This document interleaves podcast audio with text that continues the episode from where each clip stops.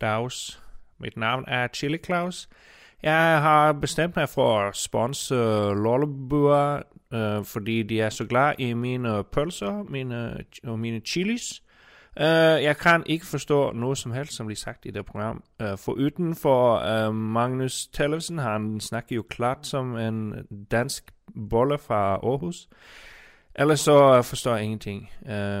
Men dette er da en videoklipp. Hvis du ser streamen, så vil du, vil du få se meg her nakken i mitt badekar. fordi jeg vil demonstrere min siste pølse. Og den er nede ved mine baller! Smak på mine pølser, Chili Claus. Ja!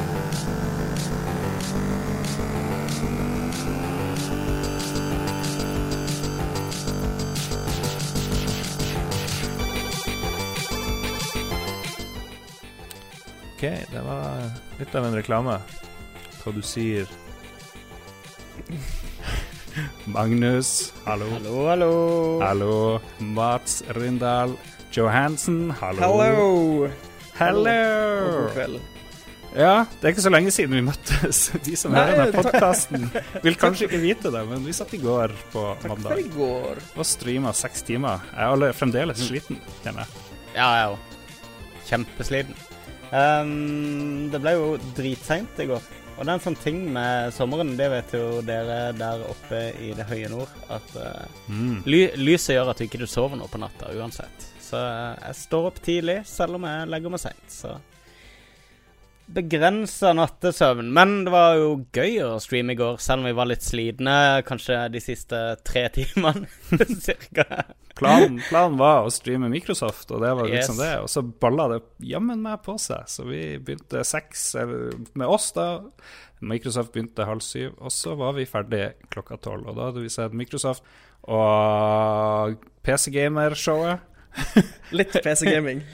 Ja, vi bare prata opp på PC-greier, Ja. gjorde vi ikke det? Ja, vi hadde Jostein med på Microsoft, og så fant vi ut at uh, vi trengte litt hjelp på PC Gamer-delen. Og da kom du, Mats. Det var veldig bra. Og så kjørte vi på, og så så vi jammen med Ubisoft også. Alt det der kan dere se på YouTube-kanalen vår hvis Ja. dere har lyst. Og vi skal ta og eh, snakke masse om E3, men først kan vi jo høre hva folkene i denne her awesome redaksjonen har gjort i det siste. Hvem har lyst å begynne? Lars, hvorfor begynner ikke du? Hvorfor begynner ikke jeg? Ja, jeg har ikke, hjernen fungerer ikke, egentlig. Den ble stappa full av E3 i går kveld, seks timer. Så var jeg på jobb i dag tidlig, og så kom jeg hjem, og så Sony. Og så begynte jammen med Nintendo sånn omtrent samtidig med sånn Zelda. Så jeg prøvde å se Sony og Nintendo samtidig. Så, ja. så mer er det ikke plass til i hjernen min. Jeg, har, jeg kan ikke si jeg har gjort noe annet. Vi tar jo ofte med hva vi har reagert på, og eh, det er jo Kanskje man skal nevne det der eh, ville mordene i USA. Jeg bare jeg har tenkt litt på dem. Det er jo litt crazy. Det er jo litt sånn eh, flashback til Norge i, da han eh, Behring Breivik gikk amok. Det, han Ja. er kanskje litt mindre crazy. Han er litt mer sånn normal crazy. Halvterrorist, eh, homofob, kanskje homo sjøl.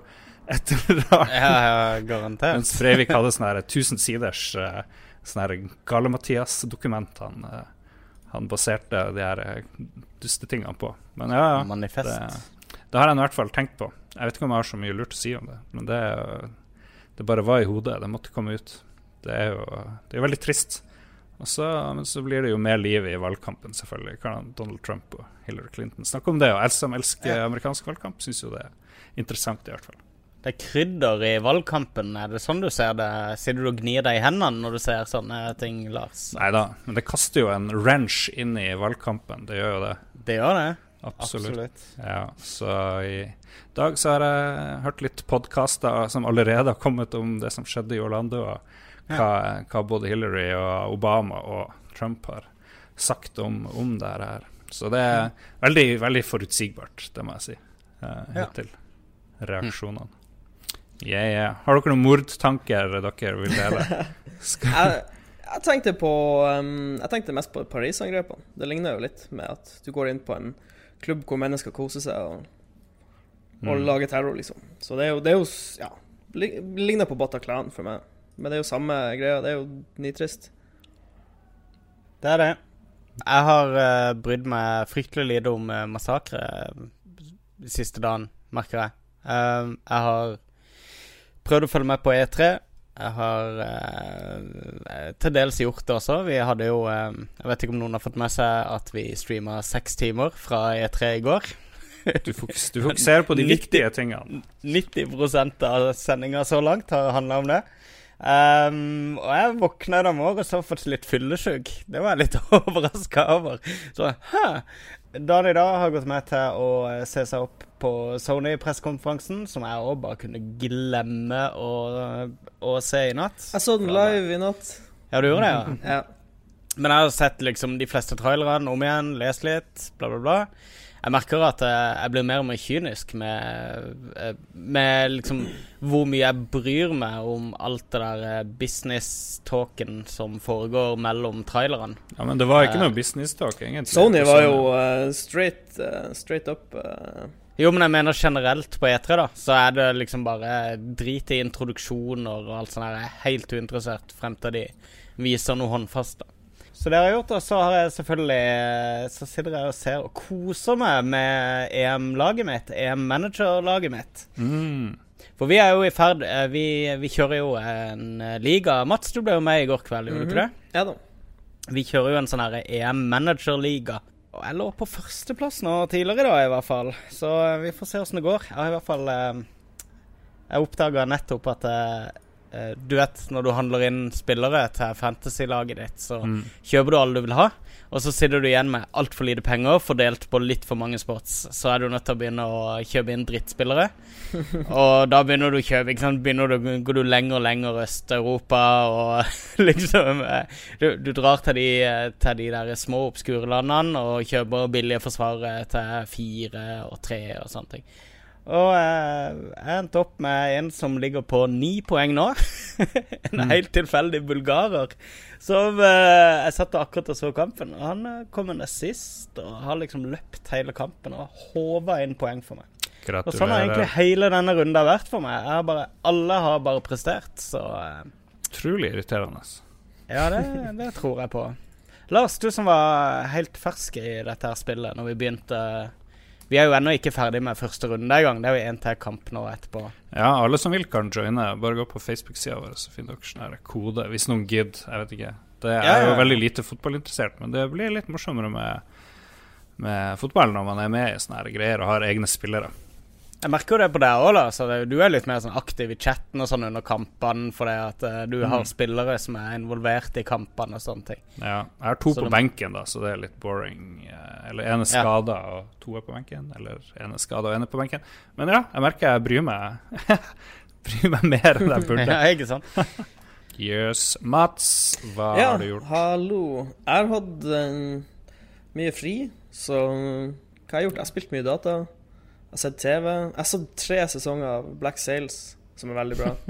tre sesonger, ja. Eller alt som er, basically. Ja. Og så har jeg spilt på, Det ligger eh, kanskje på Netflix, hvis jeg to, rett. To første sesonger ligger på Netflix. Ja. Tredje sesongen ligger ikke på Netflix.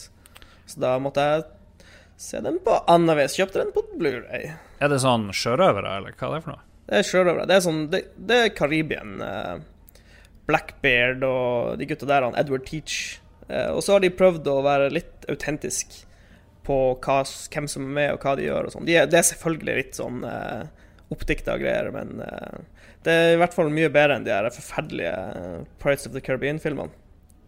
Mm. Det, det, er naval battles, det er mye tekniske begreper. Det er, ja, det er kult. Anbefales å sjekke ut. Altså, som en som har vært i Pirates of the Caribbean-riden i Disney World uh, oh, Lord.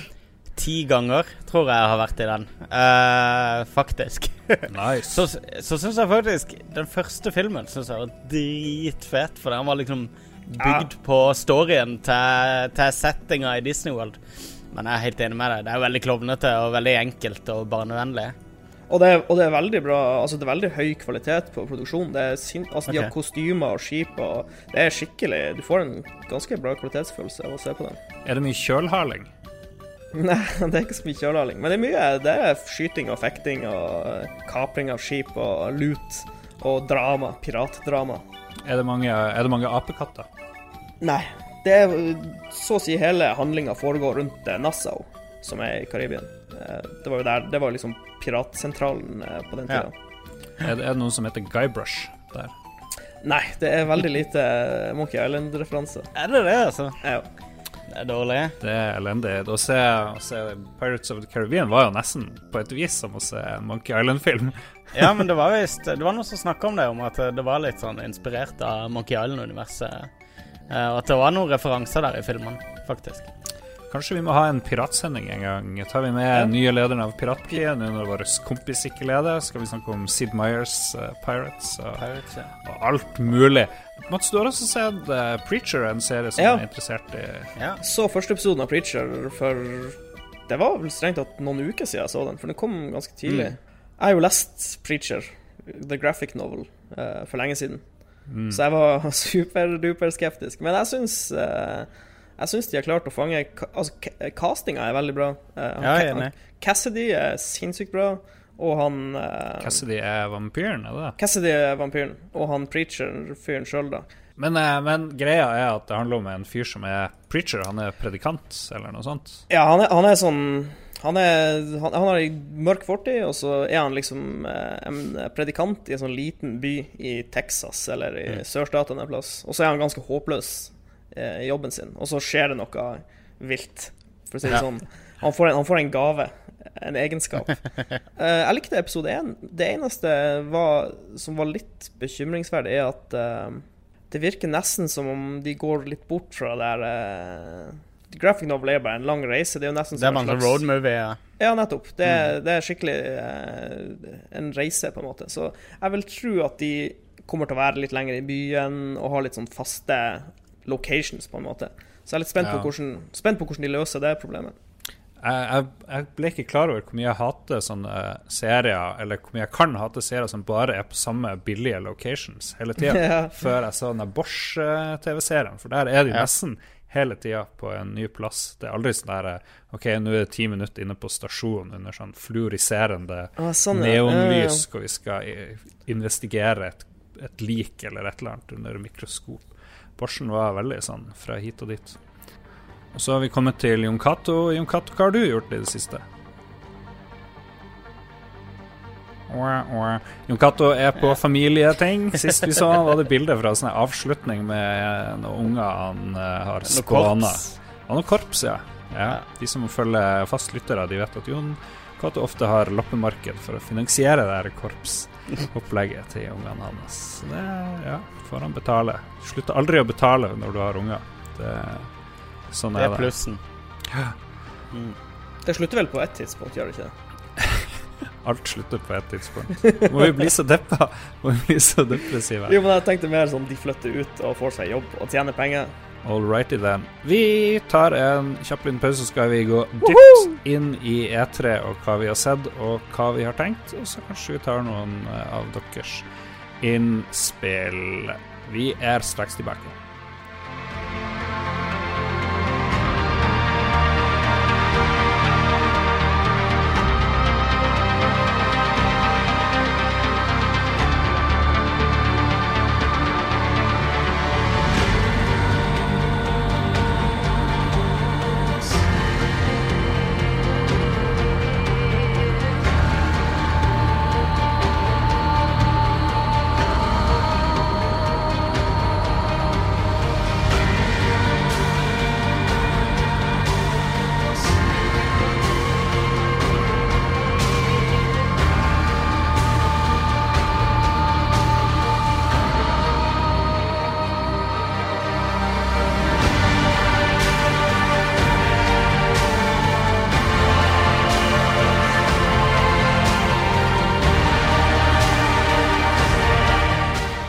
Tilbake. E3 skal dissekeres. Vi er legene som står rundt bordet. Vi skal foreta en slags obduksjon. Jeg liker ligge og råtne, eller det twitcher litt, fordi E3 er jo strengt tatt i gang mens vi prater om det. Ja. Men kan det komme noen store nye ting eh, nå, Magnus, du som har vært mye på E3 og, og fulgt det her lenge? Det er veldig lite som liksom dukker opp på dag to på messa. Jeg husker jeg drev og prøvde Journey på sånn bakrom et eller annet sted jeg var der. Jeg kan ikke Ja. huske at det var på scenen. Kanskje det ikke var det. Eller kanskje det var det. I don't know. Det var i hvert fall en sånn surprise. Det var nok så kjedelig at du ikke fikk det med deg. Så pregløst og kjedelig og Kan godt hende. Kan Ja. godt hende. Ja. Ok, skal vi, skal vi bare ta, eh, for å ha litt struktur, skal vi bare ta det sånn i den rekkefølgen de selskapene hadde de store pressekonferansene? For da får vi liksom Ja. dekket nesten alle nyhetene. Det Ja, en Så god idé. kan vi gå inn på det vi syns er interessant. Det begynte jo med Electronic Arts, og det så jeg vel i et opptak på YouTube. Det gjorde kanskje dere òg, muligens. Ja. Jeg begynte å se EA sin pressekonferanse for 2015. Eh, og det gikk ganske mange minutter før jeg skjønte at jeg var helt på feil spor. Wait a minute. Så jeg bare hmm, OK, det var sånn der uh, Mass Effect Andromeda-intro med Johnny ja, ja. Cash-sang. Og jeg bare Ja, ja, det her er jo Jeg gleder meg. Jeg vil vite mer om Mass Effect. så bare fuck, skjønte jeg. Ja, men Hvor mye forskjellig var det egentlig? For du har Fifa, Madden, og Ja, ja, eh, ja. så er det gjerne noe fighting og noe golf eller noe, og så har du Ja.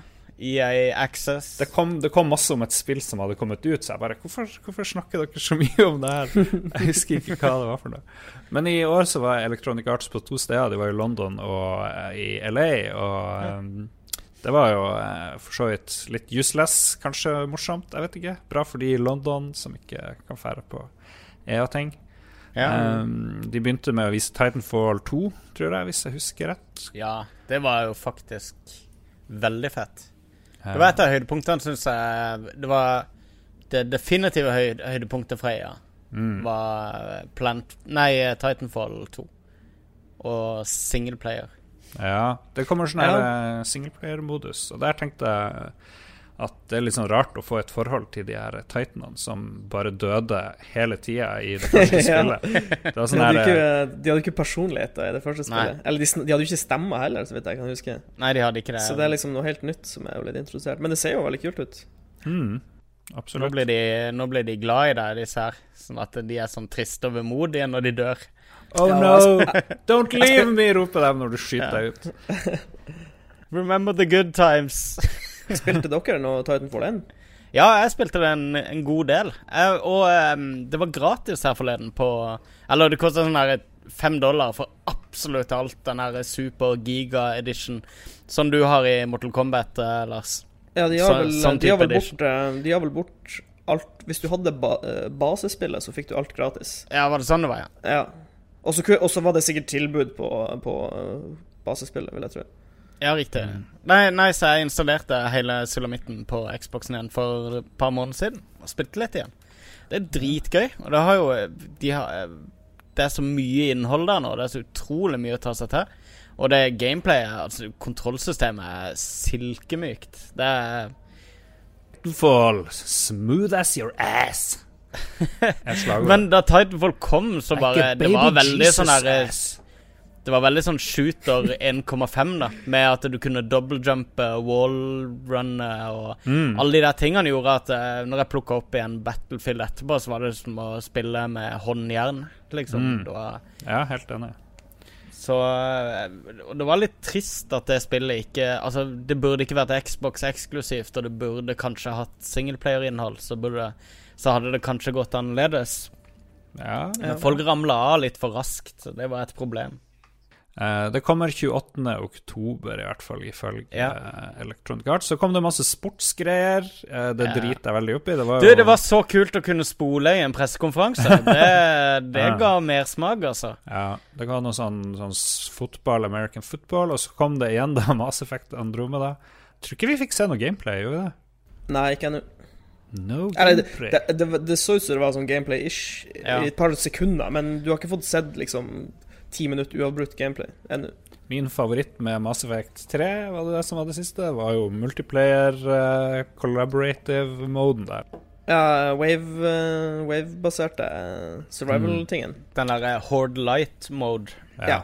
Det var veldig kult. Spilte det masse, masse, så jeg håper veldig at eh, de samme For det var sikkert ikke hovedteamet som lagde det, så jeg håper de har liksom skjønt at det var en suksess. Også. Ja, det var jo kjempepopulært både på Xbox og PC og PlayStation. Akkurat den moden der. Og så var det ei dame der. Eh, Var det en kvinnelig hovedrolleinnehaver? Det var sikkert fem, det var sikkert fem Ja, du kan sikkert det velge. Det de, bruker, de bruker alltid å vise female shepherd og male shepherd. Bortsett fra at den karakteren kommer ut til å hete noe annet enn shepherd, vil jeg tro. Ja. All right. Skal vi se hva mer skjedde med EA. Fifa story mode. Syns det virker som en god idé. Jeg vet ikke. Fifa story mode. Ja. Ja, Career-greien, hvor du skal Nei, det er liksom ikke career mode heller, for den vil du også ha. Så det er den, nå er det en ny en der du typisk heter Jesper Olsen og har en alder og en story som Jeg husker ikke hva han skulle hete, hovedpersonen. Men det er liksom Det er en faktisk story. Jeg, jeg syns det var en litt rar idé. Rar idé. Hvorfor det? Fordi du har allerede career mode, som er liksom at der, Jeg har spilt career mode en del ganger, begynt som midtstopper i start og jobba meg oppover eh, i verden og etter hvert havne på Real Madrid og Ja. For meg som ikke har likt fotballspill veldig godt siden uh, Kickoff 2 eller noe sånt, så er det jo Ja. genialt. For da slipper jeg å spille masse fotball, kan jeg heller se på sånn story mode. Det høres veldig OK ut. Hvis det er målet ditt, at du liksom skal, skal ha mindre gameplay, Mm. så, så skjønner jeg jo eh, hvorfor du vil ha det. Men da ville jeg kanskje bare spilt eh, et annet spill. Ja, Ah, Fi- Fifa er ikke for alle, da. Det er jo Det er ikke det. Men uh, vi Og det litt helt, og det er jo helt greit. Det er helt greit. Fifa har jo de siste eh, hva skal vi si, syv-åtte årene Så har de gått veldig i trynet på Pro Evolution Soccer, som på slutten av 90-tallet, begynnelsen av 2000-tallet liksom skulle være den der fotballsimulatoren, mens Fifa var mer sånn her uh, for fun.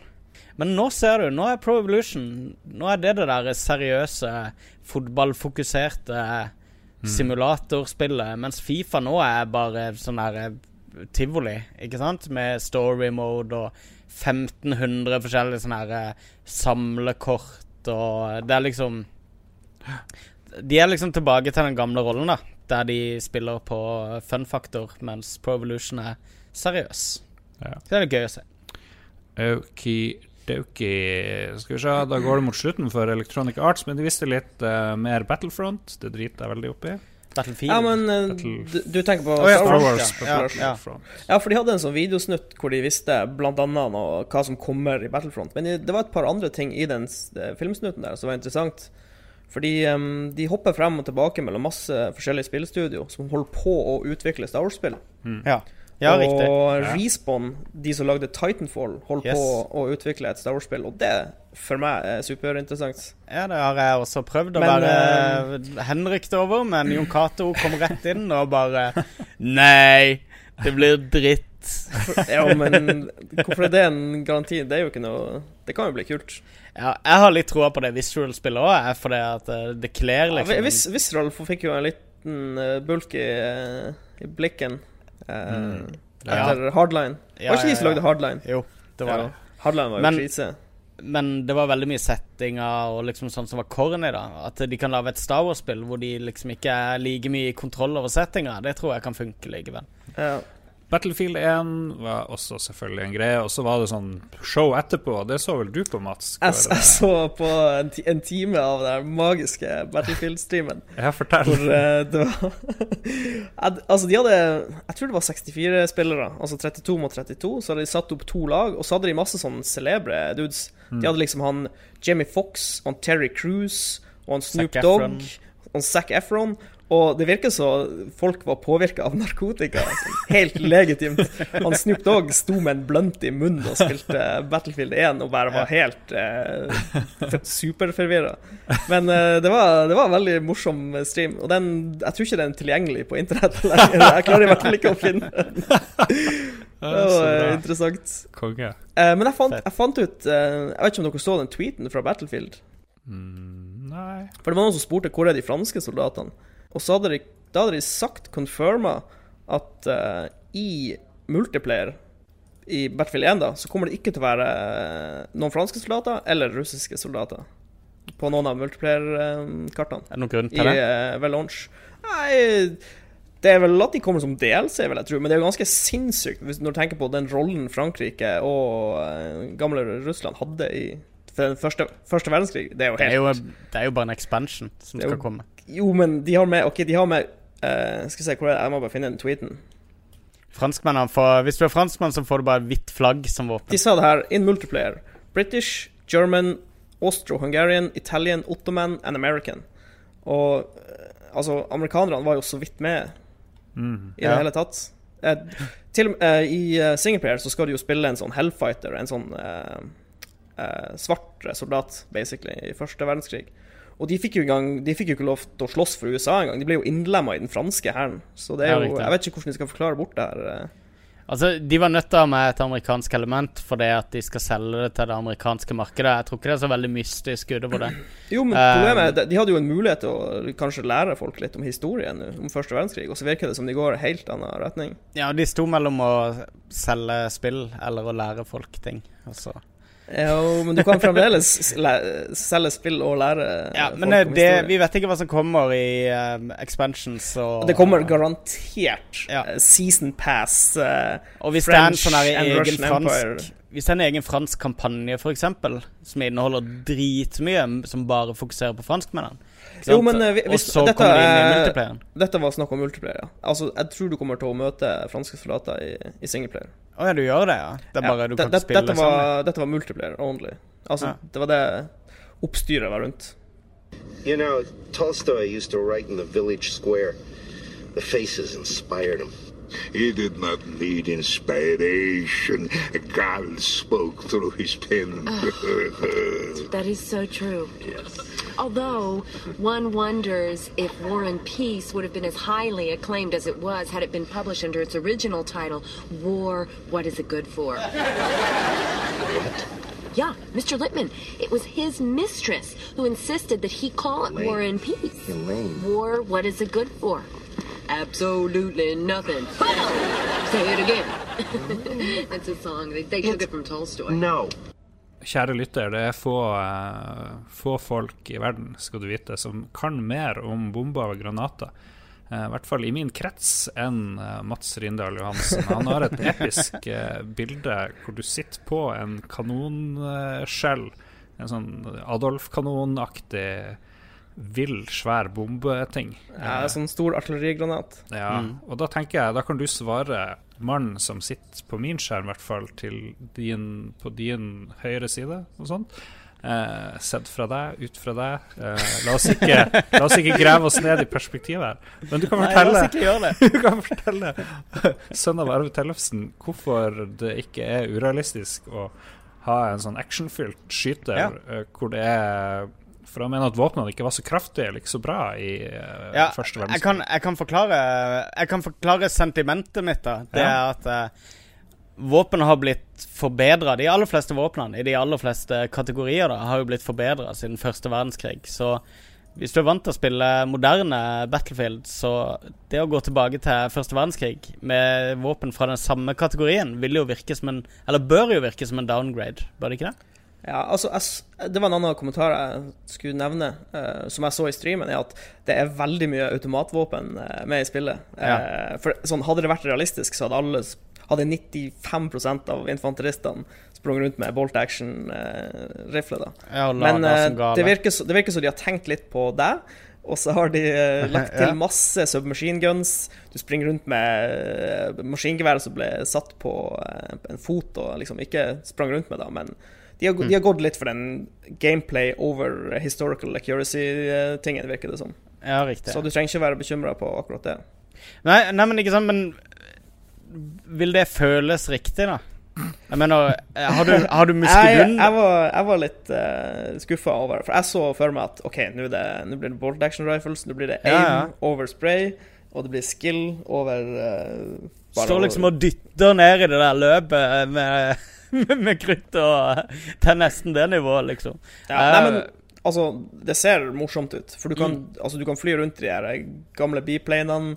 Det er zeppelinere, det er motorsykler, det er Luftkamper kan bli kule, tror jeg. Og så har du eh, Du har jo sånn bayonet charge, hvor du Ja. får en sånn vill speedboost, og så kan du bevege deg. Du kan ikke svinge og styre så mye, men du springer veldig fort fremover. Og hvis du da klarer å connecte med en fiende, så tipper jeg du foran, på en måte. Så jeg tror det kan bli kult. Hvor, mye, hvor, mye, hvor mange nazister var med i første verdenskrig? Det var ingen nazister med i første verdenskrig. Da har jeg ingen motivasjon, hvis ikke jeg kan drepe nazister. Beklager. uh, neste pressekonferanse var Betesta, og de åpna med Quake Champions. Jeg drev og lurte på ja, Ok, kult at Quake kommer. Er det litt tidlig å bli gira på Quake så kort tid etter at en annen klassiker fra samme selskap kom ut? Doom, ja. I hvert fall når de leverer en så dårlig multiplayer som de gjorde med Doom.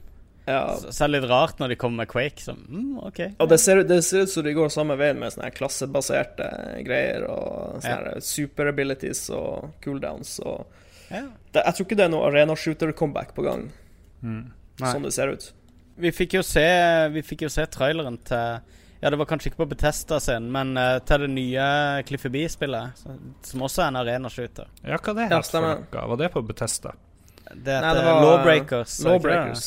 det ikke. Ja. Det var vel bare sånn outsider-trailer. Ja, jeg lurer på om det var PC-gamer-greier. ja. Her hopper ja, du veldig frem i tid. Ja, beklager. Ja, beklager. Dishonored 2 og Prey var vel det som var eh, kult. Ja. Dishonored 2 ser så fuckings fett ut. Jeg gleder meg dritmye til det. Jeg digga jo enere nå, da. I, eh, I mine notat så skrev jeg Dishonored 2? Spørsmålstegn? Nei, Prey, skrev jeg. jeg trodde det Ja. var, eh, var Dishonored 2. Å ja. ja, men Prey, Prey ser eh, kult Altså interessant ut, kan jeg vel si. Vi har vel ikke sett så mye av spillet, så. For det er vel de som lagde Dishonored, som lager Prey, er det ikke det?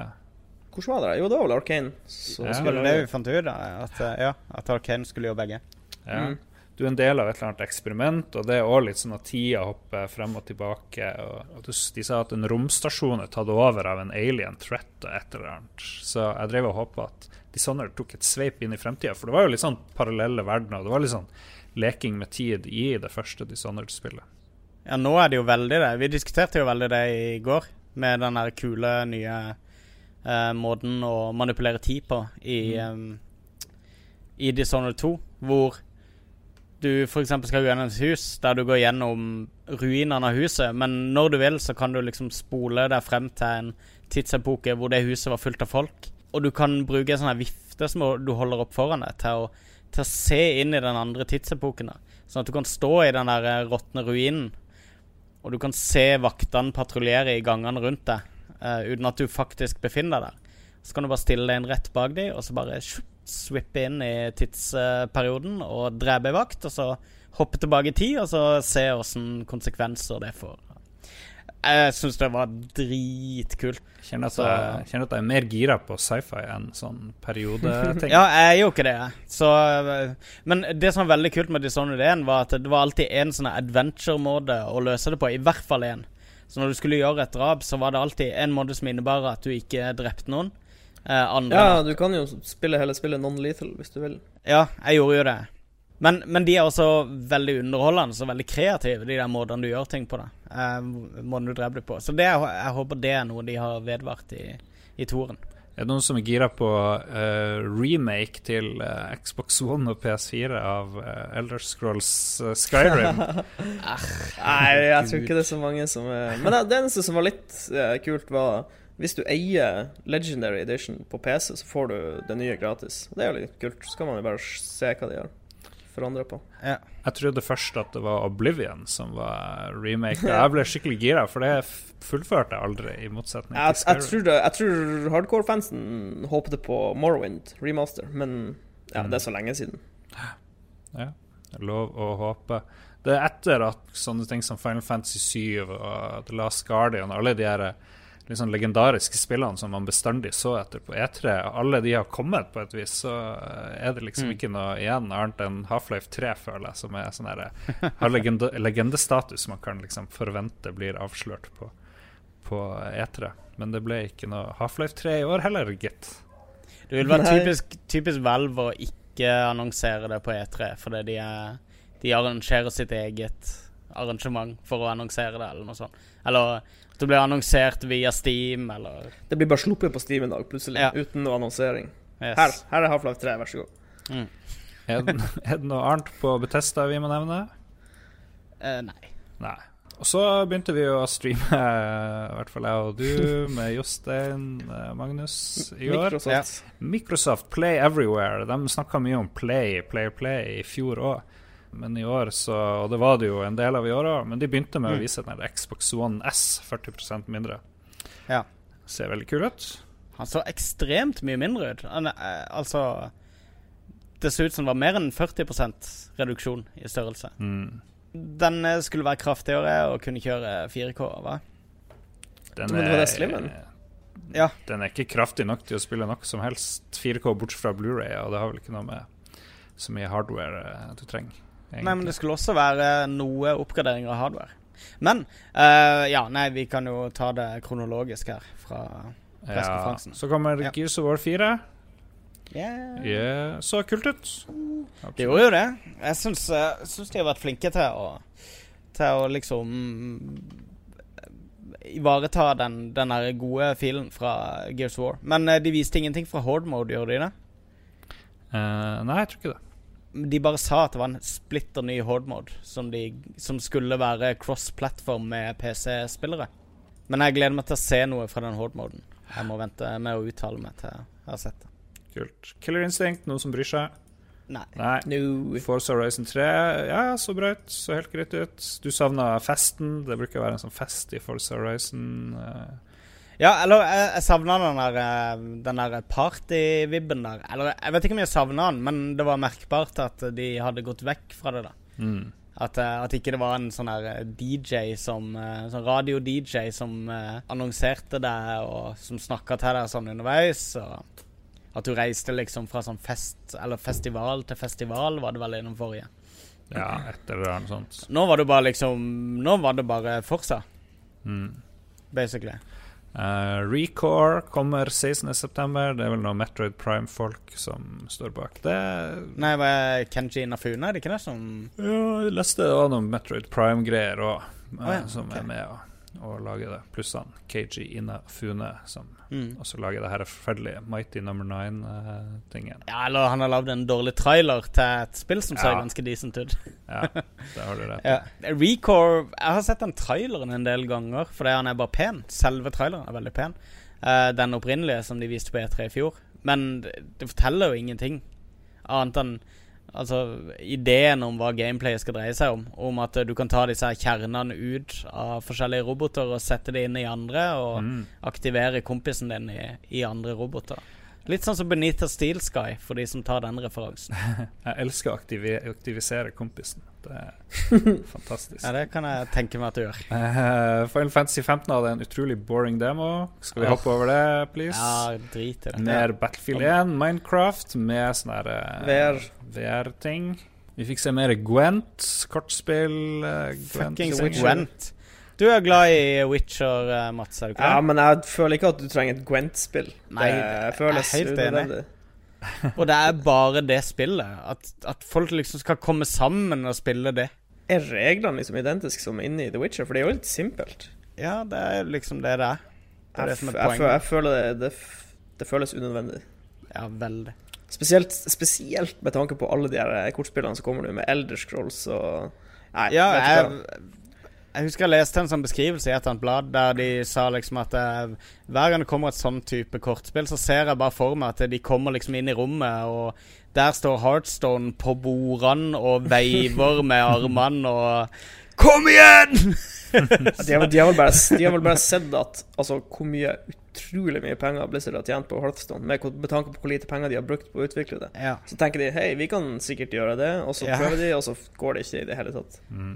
Men jeg vet Ja, folk nei. som liker å spille Gwent, da. Så selv om Jo, men det er jo ikke, det er ikke derfor du spiller Witcher. Jeg har spilt mye Gwent inne i spillet, men det er jo sånn artig i to minutter, og så Mm. fortsetter du å spille Witcher, liksom. Ja. Jeg vet ikke. Litt sånn som man spilte poker i Red Dead Redemption i tre Ja, minutter. ja, nettopp. For å si det Ja. sånn, ikke på noe tidspunkt når jeg spilte The Witcher 3, tenkte jeg mens jeg spilte Gwent Å, det her skulle vært et eget spill. Ja. Det Eller når, aldri... når du liksom gjør den siste Gwent mission, så er det sånn Nei, er det slutt på de nå? Ja. Nå blir det ikke noe mer Gwent i Men også, spillet. og problemet med Gwent òg, du kan jo Altså, det er så simpelt. Altså, endgame i Gwent er jo bare å, å, å ha en dekk hvor du trekker nye kort. Det er ikke noe metagame, så jeg Nei. kan se det i Gwent, liksom. Det, det føles ikke som det er rom for for et skikkelig metagame, på samme måte som du har i Hearthstone og andre kortspill. Ja. Jeg fulgte ikke så mye med, så jeg aner ikke om de sa noe om at de skulle gi det Ja, noe det er- mer dybde, liksom. Ja, jeg håper det. Hvis, jeg håper virkelig det. Jeg håper ikke det er identisk som det er i The Witcher. Det må være større og mer avanserte regler og et eller annet. Jeg kommer uansett ikke til å gidde å sette meg inn i det. Med mindre det er ekstremt bra, så kommer Ja. jeg til å ja, bare la det Det skal noen andre få lov til å finne ut for meg. Eh, vi kan nevne bare kjapt Tekken 7, Dead Rising 4 Vet ikke om jeg blir å gidde å spille mer Dead Rising. Scalebound var jo det der dragespillet med, Ja. hvor du kan være på og av store draget. monster.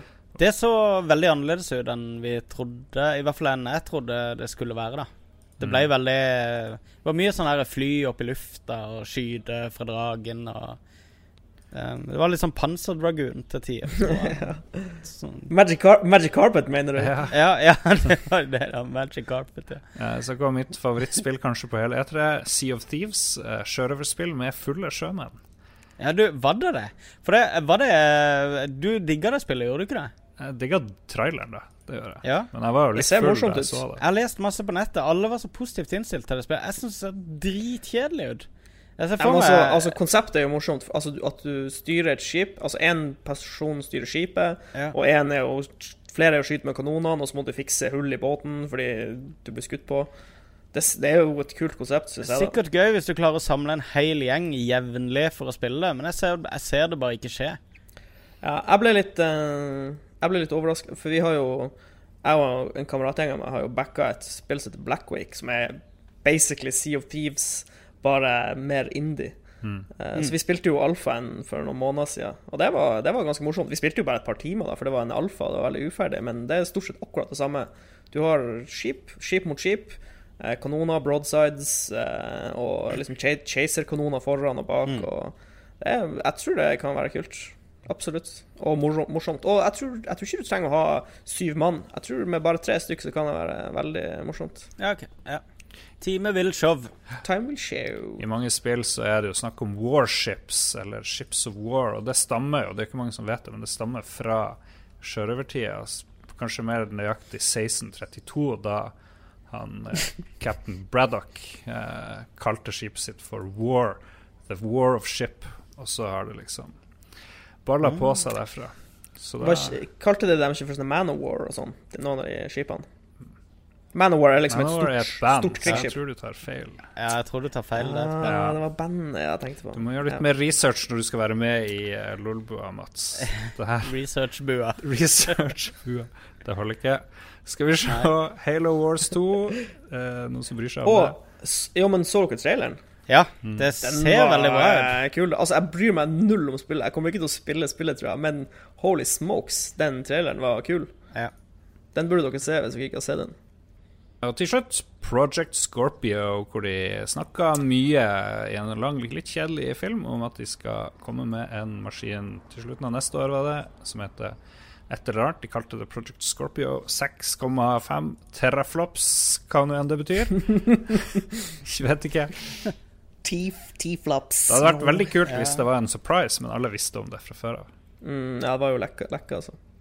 Men det, eh, sånn som jeg har forstått det, så kommer Scorpio til å være litt sånn her eh, Ganske mye dyrere enn en vanlig Xbox. Det må den At jo det, være. at det blir litt mer sånn entusiastgreier. Men da blir det plutselig et klasseskille innenfor Xbox, liksom. Og har du ikke, har du ikke den beste Ja, men de, de har sett at alt skal være kompatibelt begge veier. ikke sant? Akkurat som Sony egentlig også kjører nå med, med sin neste konsoll. Der, de, der de kjører to forskjellige sånn hardware-specs, ikke sant? Der spill må være kompatible for begge. Jo, jo, men jeg tenker liksom Kommer det til å være sånn at ja, hvis du har en Scorpio, så kan du spille det i 60 FPS, og hvis du ikke har en Scorpio, så må du spille det i 28 FPS? Ja, er, sannsynligvis. det, er det sånn det kommer til å bli? For det er jo litt uh... Vi vet jo ikke det, men Ja. det er jo lett å spekulere i den retninga, i hvert Ja. fall. De sa mange ganger at det var a new addition to the Xbox One family. ja. Så de presiserte liksom at dette fremdeles er Xbox One. Mm. Så Men det kan jo være litt Vi snakka sånn løst om det, om at det kan være litt den samme greia som med Windows 10, som er den siste Windowsen. Og at Xbox One er den siste Xboxen, på en måte. At det, det de gjør nå, er bare Nå videreutvikler de Xbox One-konseptet for evig og alltid, og, eh, og spill vil liksom være kompatible frem og tilbake Mm. eh, i softwaren der. Men eh, de, de var også veldig hissige på den pressekonferansen med å si at eh, hvis du kjøper dette på Xbox, så får du det på PC også. Og det virker som det var liksom den nye standarden for eh, Microsoft-titler fremover. da. OK, trenger vi en pause? Skal vi ta en liten uh, pust i bakken? Vi kan gå og, uh, og ta pushups. Det er det vi gjør. Ja. 100 pushups. Alle som hører på live, ta 100 pushups. Og vi er tilbake snart. faintly.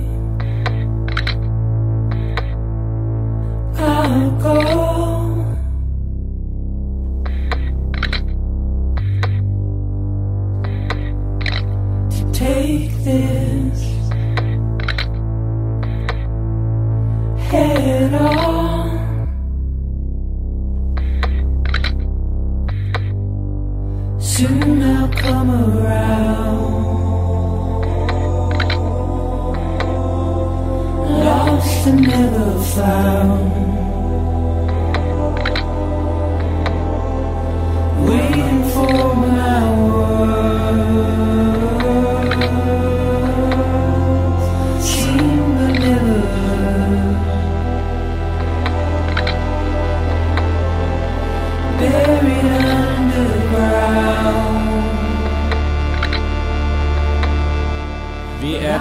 en pause hvor Mats har drukket Dovan. Det, det, det er en, en åpenbaring.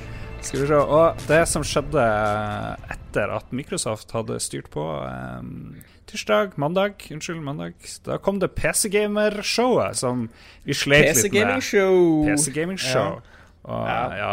vi, vi livestreama jo alt det her, og da fant vi ut at vi måtte hente inn, hente inn Mats. Og, eh, og jeg fikk ikke med meg noe. Jeg begynte å bli veldig lei livet, så jeg har ingen notater fra PC Gaming Jeg har, Show. jeg, har, jeg har tatt notater. Å, shit. I, altså, ironisk altså, Når jeg joiner dere, så hadde jo Da hadde jo Mountain Blade 2 allerede vært. Ja. Uh, så vi hadde Tyranny. Det så litt interessant ut. Hva var det for noe? Det er mm, det var, det var så dumt. Det var ikke noe gameplay eller noe. Det var en ganske dårlig trailer. Men det er Obsidian Entertainment som skal lage et Ja. RPG hvor du skal spille bad guys, på en måte. Så det ser litt eh, Det det, ja. det ser interessant ut. Ja. Men jeg vil bare si det om hele den PC Gaming Show-tingen. Det var Det virker som de har fått en ganske vanskelig oppgave. For jeg telt, Jeg, jeg gått gjennom spillene de viste. De viste 21 spill. Og seks av de spillene som de viste, er Altså det er gamle spill med nytt innhold, mer eller mindre. Ja. Og The Day of Infamy, husker du det skytespillet som så skikkelig sånn eh, so-so-kvalitet ut? Mm. yeah. Det er liksom Det er liksom en sånn halvmod til en mod til et spill som heter Insurgency. Ja. Så det er, det er liksom ikke et sånn standalone trippel A-skytespill, liksom. Det er ganske merkelig. For de holder jo på å utvikle et spill som, heter, som er Insurgency 2, som er en oppfølger til det skytespillet de har. Ja. Og så Warframe Lunaro det er jo bare en, sånn, en liten add-on til Warframe, på en måte. Og Arma 3 Apex det er jo samme, det er bare add-on til et gammelt spill. Mm. Så det var litt sånn Det virker som de har fått litt sånn uh, halvshabby line-up, på en måte. ja, men det, ikke sant? Var, det var jo ingen Det var jo PC Gamer, var det ikke det, som arrangerte dette? Ja, PC Ja, ja stemmer. Eh, bladet, eller nettsida. Ja, ja, og eh, Microsoft og Sony og Nintendo disse her, de betaler jo altså store beløper for at eh, at eh, folk skal ta med sine spill og vise dem på scenen hos de, ikke sant? Ja. Og disse her PC-spillene, det, det er jo titler ingen får noe penger for, ikke sant? Det og de aller største titlene ble vel vist på Sånn som Betesta og disse her viste de på egen hånd. De gidder jo ikke annonsere det på en sånn PC Gaming-event. Men, men det Så det det ble sant. ganske sånn dølt. Jo da, men det, det er et par Et spill som heter Oxygen Not Included, som så veldig morsomt Ja, ut. det var det der, ja. Du skal etablere en romkoloni, og så er det liksom Det er jo multiplayer. må, jeg tipper du må være fire-fem stykker for det skal være morsomt, men det, det ser veldig kult ut. Det som ligner på Fallout Shelter. Ja. Mm. Og Dawn of War 3 blir jo interessant, men det er jo langt unna. Ja. De, visste, de visste jo nesten ingenting. Uh, og ja, Lawbreakers, det der eh, Cliffy B. Bulletstorm 2,5-aktige Men det så decent ut, det, altså. Jeg Det- det det, ser- det det, ser så interessant gøy ut. Ja. Ja, og så vil jeg snakke om Serious Sam VR. Det så vi jo litt av. Ja. Ja. Eh, jeg var jo på internett og leste litt i sted, og en av utviklerne fra, fra Crow Team, de som utvikler Serious Sam, sa at de ble approacha av Oculus under utviklinga av Serious Sam VR, og fikk et tilbud om masse, masse masse penger hvis det kunne være en Oculus exclusive. Ja. Eh, og de sa nei takk. Eh, vi skal ha den på alle VR-plattformer. Ja. Og Oculus har jo sagt at de ikke har gjort det. At de har gått rundt og prøvd å kjøpe eksklusiv. Så det, det er jo litt morsomt at det kommer ut i lyset nå at de har gjort Uh. det akkurat det motsatte. Så jeg kan jo nevne noen Oculus Exclusives. Superhot VR er Mm. Oculus Exclusive. Killing Floor VR er Oculus Exclusive. Og Giant Cop. Så de har tydeligvis gått eh, på en liten cash-spending-spree for å kjøpe Yes. exclusives. Og det har de gjort rett etter den der sjarmoffensiven, når de sperra den der eh, Ja, det er, det er krise. Det er skikkelig ja. råtne greier, det der. Jeg skjønner ikke at. John Carmack eh, vedkjenner seg det. Nei. At ikke han er mer aktivt i det. Mer sånn hands on. For det, han har alltid vært sånn open source-dude, ikke sant? Som uh, Han har alltid vært opptatt av uh, Av community, og han er mer opptatt av det tekniske, og Mm. ikke så mye av salg, ikke sant?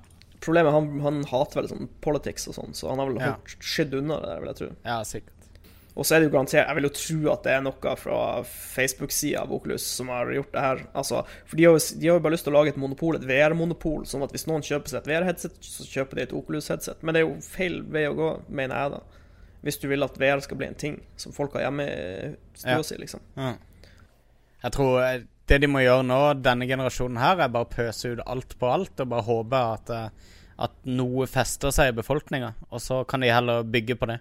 Ja, prøve prøv å lage det billigere til Ja, ja. generasjon to, for det er, det er for dyrt nå. Aukipøk.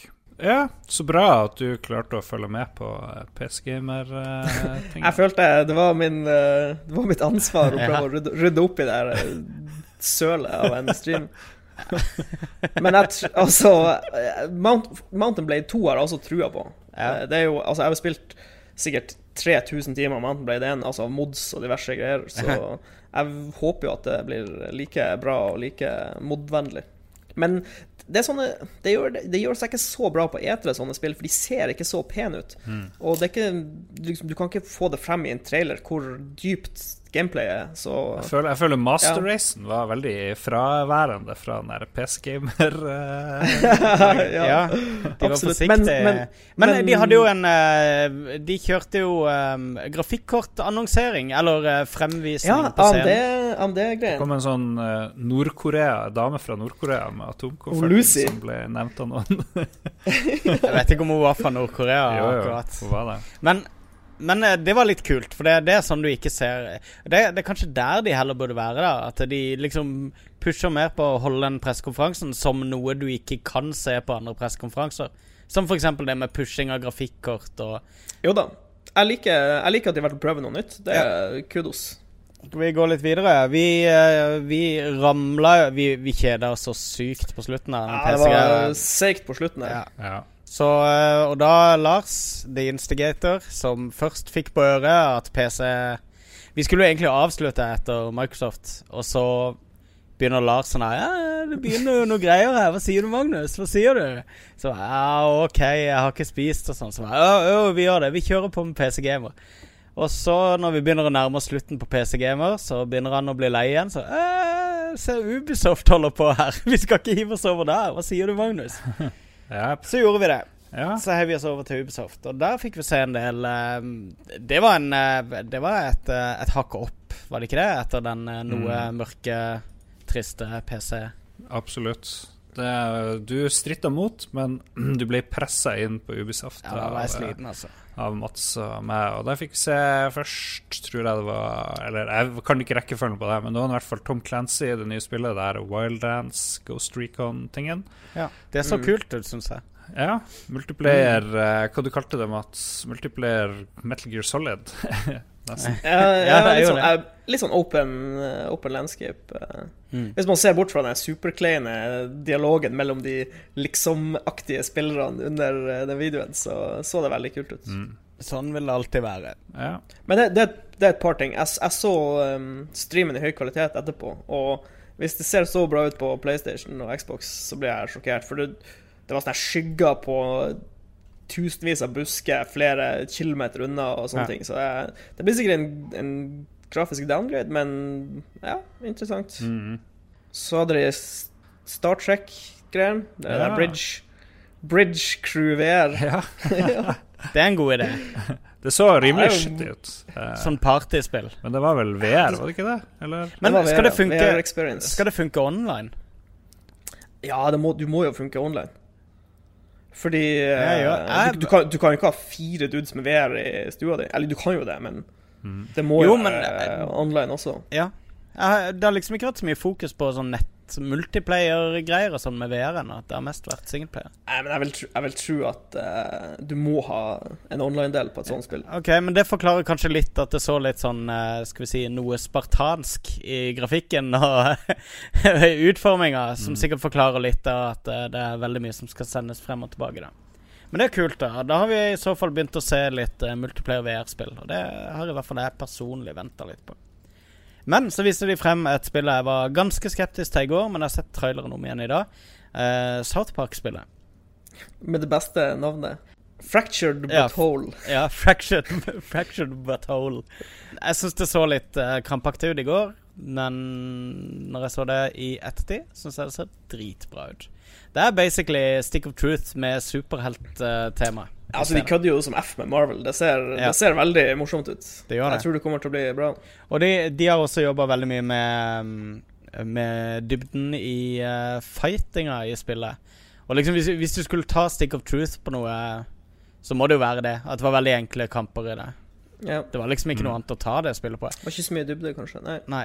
Og, men det gjorde ingenting. Det var bare Kampene var liksom litt sånn overflødige, men artige avbrekk, da.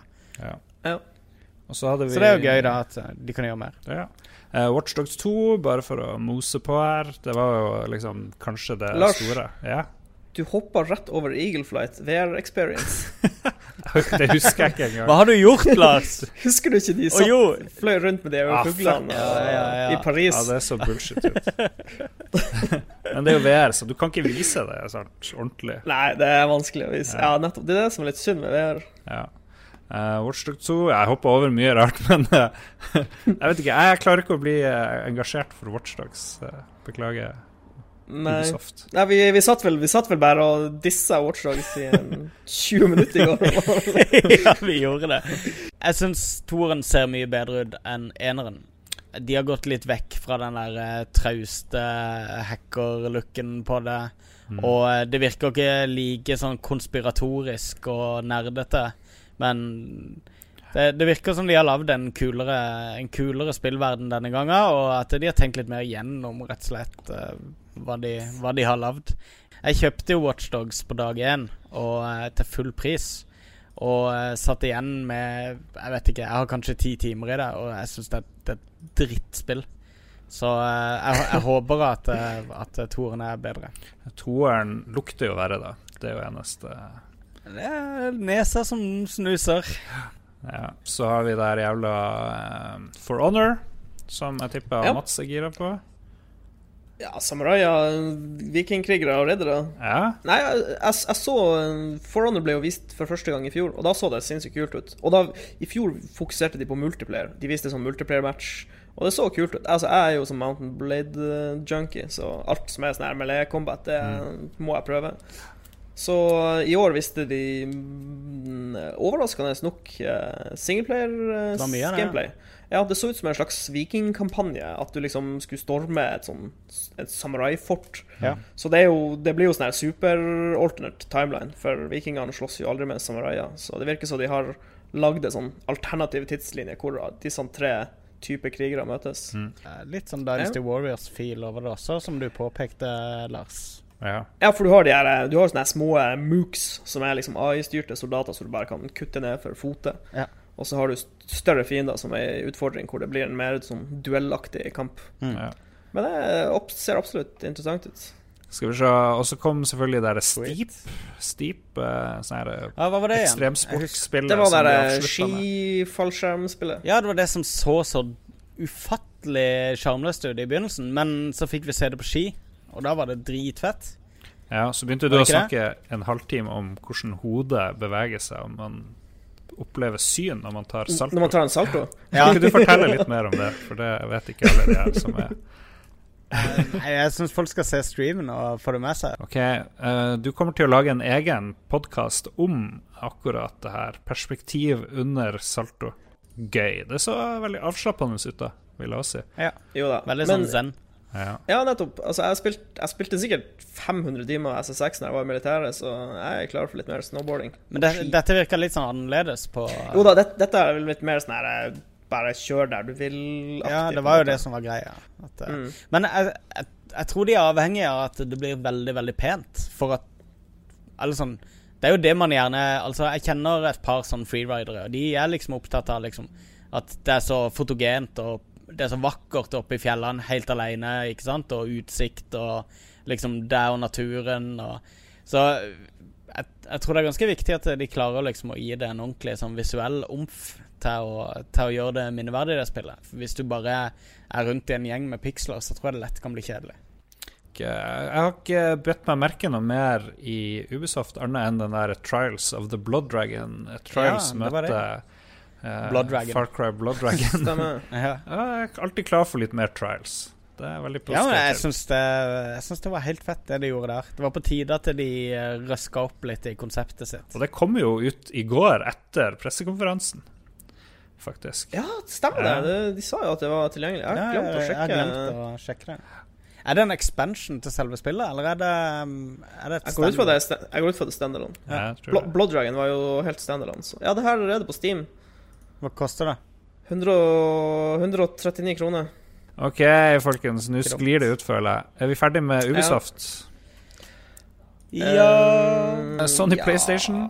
Eh, åpning med kor.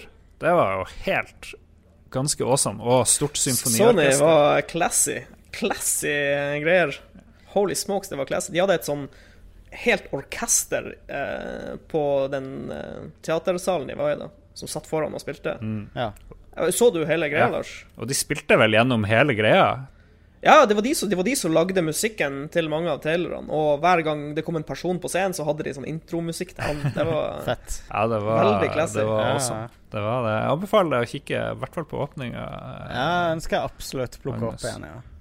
Ah. Første de visste, det var nye God of War, som kanskje heter noe mer enn God of War. Uh, Det er så fett ut. Nei, de har bare kalt det Det heter bare God of War uh. foreløpig. God of War 1. Jeg har veldig mange teorier på hva som blir å skje i det spillet. der Uh. Men det så dritfett ut, syns jeg. Ser Eh, utrolig kult ut. Ja. Men det er for de som ikke så det, så begynner du Du sitter i en sånn hytte ute i skogen, eller du ser en unge som er der, og så plutselig Mm. dukker han der Kratos, eller hva nå enn han eh, Kratos, ja. dukker opp, og folk jubler. Ja. Og så er det tydelig at han er ungen skal ut og jakte litt. Og så du Men han ungen og- kaller han for fader flere ganger, gjør han ikke det? Farge. Ja, jeg tror det. Ja, Så det er, at det er sønnen til Kratos, da. Det er i hvert fall liksom Ja. Ja, det blir presentert som om det er sønnen hans. Om det er biologiske sønnen hans, det vet vi ikke. Nei. Ja, riktig. Det spørs jo, for han virker jo litt pysete, han sønnen. Eh, kan han være Han har noe arr i Ja, trynet å vise han, han, har, til. han, har, eh, han har masse tatoveringer på kroppen sin. Det er, det er et eller annet Jeg har sånn min, min foreløpige teori For det, hele den sekvensen, den jaktesekvensen, så får du så duk, dukker det opp sånn tekst nede i høyrehjørnet hvor det står sånn her eh, 'Knowledge obtained', eller Ja. når han spo, sporer ned hjorten og litt sånn. Så jeg mistenker at det, det, vi så, er bare prologen til spillet, og så kommer du kanskje til å spille en, Oh, en eh, annen karakter som vokser opp. ja. Mm. Kanskje sønn. Jeg vet ikke. Kanskje bli ny hovedperson i God of Jeg tenkte at han skulle bli Fordi man skjønner fort i traileren at Eller den Let's Playen de viste at ungen er liksom pysete. Han, han vil ikke drepe ting, egentlig.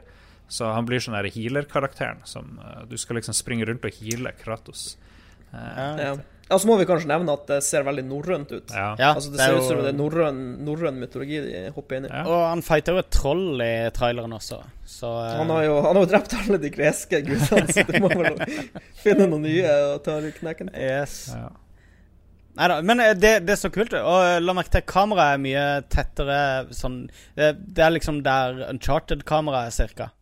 Så, som er veldig annerledes. Som, som gjør at gameplay blir veldig annerledes denne gangen. Istedenfor at du liksom At du kommanderer hele rommet med de der svære kjettingene hele tida. Ikke sant? Og at det er en sånn herre Sånn crowd control-greie, sånn som de forrige Det har ligner vært. jo det, lig- det ligner mer på Dark Souls enn gamle God of War, liksom. Nettopp. Jeg synes, ja Jeg vil si det ligner mer på Tomb Raider enn Dark Souls. da Jeg skulle, det var det jeg tenkte når jeg så traileren. Ja. Dette ligner jo på Tomb Raider. Ja. Men, eh, men eh, altså, fighting og sånne ting var, var mer inne på Dark Souls der. Og- Ja, det var det. Sånn combat, når han slåss med det store trollet. Mm. Litt Dark Souls. Når han for, gikk rundt, så var det sånn Tomb Raider, Uncharted-ish. All right. Uh, så kom Days Gone. Uh, først så det veldig Last of Us ut. Uh, Ja, jeg tenkte sånn The Last of Us med yeah. bikere. mm. Ja.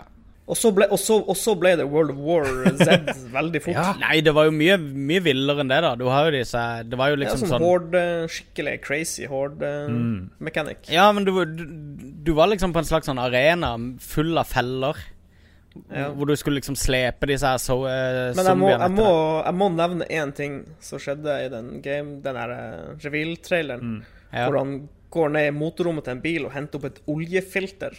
Ja. Som han skrur på pistolen sin som en lyd. Ja, ja, Og ja. gjør noe som helst annet med oljefilteret. Da fikk jeg litt sånn der eh, twitch i, i, i trynet. Det var ikke Jeg håper ikke det er mye sånn i spillet. Og så skjøt han etter hvert én million zombier, og han hadde tydeligvis ikke mangel på kuler, og det er jo forfriskende Nei. i Nei, et zombiespill. Det tenkte jeg også. sånn Hvorfor bruker du så mye ammunisjon? Men poenget var jo at han liksom Han beita jo horden opp inn i den låven, opp og rundt, og så sakte, men sikkert chippa han unna. Så, Nettopp. Så tok han jo faktisk knekken på eh, den første horden, i hvert fall. Ja. Men eh, ja. Han la, han la hele tida opp feller, ikke sant? Og fikk de ned i ei grop, og så heiv masse Molotov-cocktail ned i gropa for å tette fyr på alle som var der, og sånn. ja. Det var litt sånn Left for Dead-aktig, på en måte. Du tynner ut uh, Ja. med, med å slåss baklengs. Altså, du trekker Ja. deg unna hele tida. Så det er Ja, interessant. Det er veldig mange som har venta på en oppfølger til ICO og uh, hva det heter for noe, Shadow of the Colossus. Og den er jo på vei visstnok 25.10 i år. Og den fikk vi se i uh, pressekonferansen der Last Guardian, hvor du er en gutt og har en sånn svær sånn kattehund-ting. Kattehund. Minner litt om den der tingen fra Neverending Story, den der filmen. Litt sånn Ja, ja. koselig, fluffy Han Fa eh, Falkor. Falkor, ja. ja. Jeg syns han så ligge koselig ut, den her eh. Han er liksom Det er at han er sånn skarp og Han er ikke sånn Ja, jeg vet ikke. Det ser så rart ut, det monsteret. Vi fikk se en sånn montasje, ikke så mye gameplay kanskje, eller kanskje ikke uh, Og det er ikke noe bekymringsfullt, er det det? Når det er bare noen måneder igjen før lansering? Ja, jeg, Her er en jeg er film. skeptisk, ja, må jeg innrømme. ja. Kanskje man kan spille Eh, det på showfloor, hvem vet. Det er mulig det spillet blir bra, men det er så sykt mange andre muligheter til at det blir dritt. Ja, altså, tenk, tenk på utviklinga av Ja. det spillet der. Ja. Det, må, det har vært mareritt-ride, liksom. Ja, jeg vet ikke hvor mange år. Ti år? Hvor lenge har det vært i utvikling? Ja, noe sånn. Helt sånn Og det, det er liksom ingenting skaperglede igjen i det prosjektet der. Alt det er tappa ut, ikke sant? Og det er, og det er alle går bare med sånn her kjip samvittighet for ikke å ha lansert det. Og ja. Jeg tror de bare må rive av plasteret, få det ut på markedet, og så blir det sikkert en like stor suksess som det her The Order. som også var en sånn storsatsing. Game of the year. Ja. Um, neste spill ut var Killzone 4, skrev jeg, men det heter jo selvfølgelig Horizon Zero Dawn, som er fra de her jævla Guerrilla Games som jeg hater med hele mitt hjerte. Skal komme 28. Ja. februar. Um, her er det sånn Du går rundt i steinalderen med pil og bue og møter Transformers-dyr, virker det litt sånn. ja, det har vært noe sånn eh, horrible uh, cataclysmic event-greier. Så menneskene har gått tilbake til å være sånn tribal dudes, men så er det jo alle dyrene er borte, så det er bare masse ditt robotdyr. Ja. Er det, er det noe sånn? Ja, jeg vil tro det. Det eneste jeg noterte, var at du må holde inne knappen for å lute. Surt smiletegn. Det hater jeg, for det tar altfor lang tid, i stedet for å bare trykke for å lytte. Og replikkene til Odama syns jeg var litt dårlige, for nå har jeg blitt vant til sånn Uncharted og Last of Us-nivå. Uncha- Uncharted level, ja, nettopp. Det er Ja. farlig litt Det eh, er dårlig, for det er ikke uncharted-kvalitet på grafikken. her. Ikke grafikken, men på replikkene og det Ja, de sier. ja, riktig. Ja. Smalltalken, Ja. liksom. Ja, så jeg tipper jeg kommer Ja. til å kanskje ikke like Horizon Zero Dawn, men hvem vet? Det så jo ut som det var mye action. Men det så ut som frameraten faktisk, til og med på gode streamer, var elendig, så I, I Mm. don't know, men who cares? Nei, det, Det er det siste de optimaliserer. Ja da. Ja. Men det er sånn, det spillet der er bare en sånn stor ukjent for meg. Så Ja. jeg blir bare å vente og se rett og slett hva eh, folk sier når de har spilt det. Og så kom det som jeg trodde het Chicago, men det heter vel Detroit. Er det ikke det det heter? Become Mm. Human fra David Kaj og Quantic Dream. Magnus, du er vel litt sånn David Kaj-mann, er du ikke det? David Cage. Ja. Det er, nå har vi kalt han Kaj så mange ganger på kødd at det har festa seg hos deg, Lars. Ja. Det var litt fint. Ja. Jeg har et veldig ambivalent forhold til han. For det at uh, jeg syns han prøver altfor hardt. Og jeg syns han er en veldig pretensiøs mann. Eh, men samtidig så Altså, så glimter de til da med veldig god historiefortelling. Mm. Han har sånn, han har sånn Stanley Kubrick-status i Sony. Han får lov å gjøre hva han vil og bruke så lang Ja. tid han vil. virke virker det Å, ja. Han lagde jo det her Heavy Rain og hva det heter Ja. Beyond uh, Two Souls. Jeg likte Jeg syns Beyond, Good- eh, Beyond Two Souls uh, fortjener ei høyere stjerne enn det det har fått. Har jeg, jeg har ikke fått spilt alle de spillene der, så jeg, Temmelig kult spill. Det er det samme her, at du liksom får to Det er sånn binære valg hele tida. Nei, det er ikke det. Og eh, du har i tillegg et sånt spøkelse som kan hjelpe deg med ting. Men det er veldig staged når Eller veldig skripta når du liksom får Ja, lov for til det, det. dette, dette spillet ser bare ut som en sånn gigantisk eh, choose your own adventure-bok, hvor du liksom Ja. går ned en sånn sti, for du velger det, velger bort det, velger bort det, velger bort det. Det er jo i en verden med masse androider hvor de driver og får sin egen vilje på et vis og gjør opprør, er det ikke det som virker som Ja, det så litt ut som det var sånne eh, rettigheter og mm, ja. robotrettigheter? Ja, ja. mm, hett tema. Jeg leste en eh, beskrivelse hvor det sto at det spillet handler om et eh, Detroit hvor eh, androids eh, ikke har menneskerettigheter. Ikke ulikt det virkelige Detroit. Ja, veldig fint. altså, jeg vet ikke om dere husker den der eh, tech-demoen som eh, David Cage presenterte før Heavy Rain ble annonsert. Var det jo den dama som, Ja. som, som blir lagd, og så blir hun redd for hun innser at hun skal bli plukka fra hverandre? Ja, ikke sant? Det er, jo, Ja. det er et sånt intervju med en AI. Utrolig bra. Det er skikkelig sånn følelsesvekker eh, av en trailer. Jeg følte at eh, det var tematikken de tok tak i da med Detroit. Nå, har- nå har ikke jeg lest så mye om spillet ennå, men, eh, men jeg, jeg følte det var litt den samme linja, da. Det er et eller annet Mm. de bryr seg om i det selskapet der. Det var masse, det var masse VR-spill de hadde sånn rekke av. Ja. Sånn litt sånn poengløse Ja. VR-spill, nesten. Ja. Oh, jeg, Batman Arkham VR Experience. ja. Og noe sånn rar Final Fantasy 15 VR-ting som så helt useless ut. Mm. Ja, det så helt Det, var, det, var, det slo meg som merkelig. Så var det noe Star Wars, men det fikk du ikke se Ja, noe av. X- X- X-Wing VR Mission. Ja. ja, det var det Men- det var. Unnskyld. Men, ja. men Sony må bare pøse på med VR-spill nå, da. Ja, for de skulle lansere den i oktober. Ja. Ja. Så de må snart ha noe ordentlig å Den, vise. det, det eneste som uh, Det eneste som eh, så interessant ut av alle VR-tinga, var Resident Evil 7. ja, men det var Det- det både, kan, uh, både standard og VR, visstnok. Ja. Resident Evil er blitt skikkelig sånn grøsserspill igjen, da. De er liksom tilbake til Resident Evil 1 og 2 nå. Så litt skittig ut, eh, spør du meg. altså. Ja, jeg, Ja, grafikk, grafikken så lav ut, men Ja. det er jo fordi de har laget et VR-spill på, Ja. på PlayStation 4. Så du kan ikke ha bra grafikk og VR på PlayStation 4 samtidig. De, de to tingene er eksklusivt. Ja. sånn er det. Så ja, vanskelig Så hvis det er litt Call of Duty Infinite Warfare, noe med skyting i verdensrommet, var det i Call of Duty Å, Infinite Warfare? Gud, så travel den eh, Jeg kan traileren ikke se det.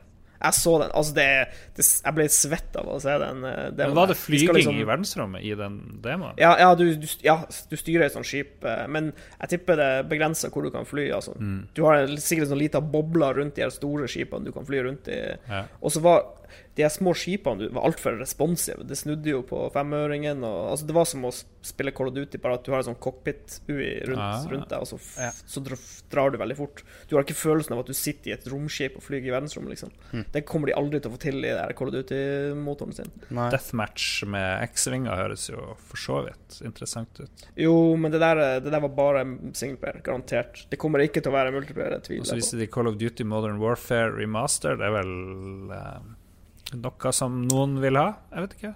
Ja, det, det tror jeg eh, folk kan sette pris på. Det eneste Folk vil ha multiplayer-mapsene. Ja, de vil ha de vil multiplayer, maps, multiplayer maps, men de vil ikke kjøpe Infinite Warfare for å få det. Og Nei, det må riktig. du gjøre akkurat nå, og det er teit. Ja. Mm. Jeg vil kjøpe bare remasteren og spille de gamle Mm. kartene. Eh, men viste de ikke også en eh, remake av Crash Bandicut? Jo, de, Mm. eller de annonserte vel at det skal komme en Ja. full remaster av alle 1 til 3, tror jeg. da. Crash Bandicoot. Bandicut. Ja, Warped. Og Vi snakka om det i går, med at uh, når vi spilte det Crash spillet i Uncharted, så ble vi minnet på hvor dårlig egentlig Crash Bandicoot var. Jeg er uenig, jeg stiller meg ikke bak, bak det. Det er et utrolig vinglete, ganske dårlig lagt opp spill. Det var veldig gøy mens det pågikk. eh, Og PlayStation 1 var en spillny konsoll. Ver- Verdens Men, beste eh, spill, Crash Bandicoot. Men de trenger Det er ganske mye de må remake hvis de Mm. først skal i gang og remake såpass gamle spill. Altså. Jeg vil tro det blir en skikkelig Skikkelig remaster. Ja, men Kan ikke heller bare lage et nytt spill, da? Et Altså, nytt, nytt Crash-spill, ja. Heller bare gjør det. Det er ikke noe viktig å lage ting om igjen, syns jeg. Det er altfor opptatt av det. Du tar feil. Sånn er det. Nei. Lego Star Wars Force Awakens trenger vi ikke si noe, egentlig. Fordi Nei. det som var den store tingen på slutten der, kanskje, var jo at eh, Kojima fikk sånn enorm intro der, hvor han sto oppå bak på scenen og fikk gå ned, hvor det kom inn sånne digitale Lystrapp. trappegreier. Men så bare dreit han i det, så bare gikk han forbi, så han gikk mye foran den der lystrappa si til slutt. Og så sa han 'I'm back', sa han. Og det var litt eh, morsomt. Ja. Så fikk vi se noe av det her eh, Death Stranding, eller det var jo bare en video, da. Mm. Med han her Norman Reedus, som jeg ikke vet hvem er. Hvem er det? Fra The, han er fra The Walking Dead. Ja, han fra Walking Han Dead. Han spiller en karakter, en som biker i The Walking Dead han Dead. som skulle være med i Silent Hills? uh, Stemmer. stemmer. Ja. Så de har tydeligvis gått for et annet type spill, da. Kan, du beskrive, kan dere beskrive den traileren til meg? Ja, jeg kan, ja, jeg kan prøve. Jeg vet ikke, galskap. Eller så, det, Ja, det var sånn interessante visuelle elementer. Eh, Det så, det så nesten ut som sånn her I begynnelsen så, så det ut som sånn her eh, miljøaktivistpropaganda, for det lå masse sånn døde hvaler og dyr der, og så var det olje i sanda, og så lå det plutselig en baby der med med en eh, kabel som gikk til han Norman Reedus, da. Som, eh, så våkna han opp, og så var babyen borte.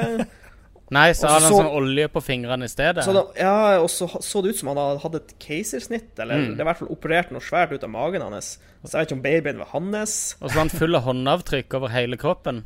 Ja, og så røyser han seg opp, og så går han litt, og så er det plutselig fire eller fem personer som svever i lufta. De bare sitter, eller står helt stille i Nevnte lufta. du at det var masse fisk var liksom- der òg, på nære plassen? masse, masse Ja. døde fisker, altså hvaler og Ja, det var Det er veldig weird, men det er jo Kojima. Det er jo awesome, Ja. spør du meg.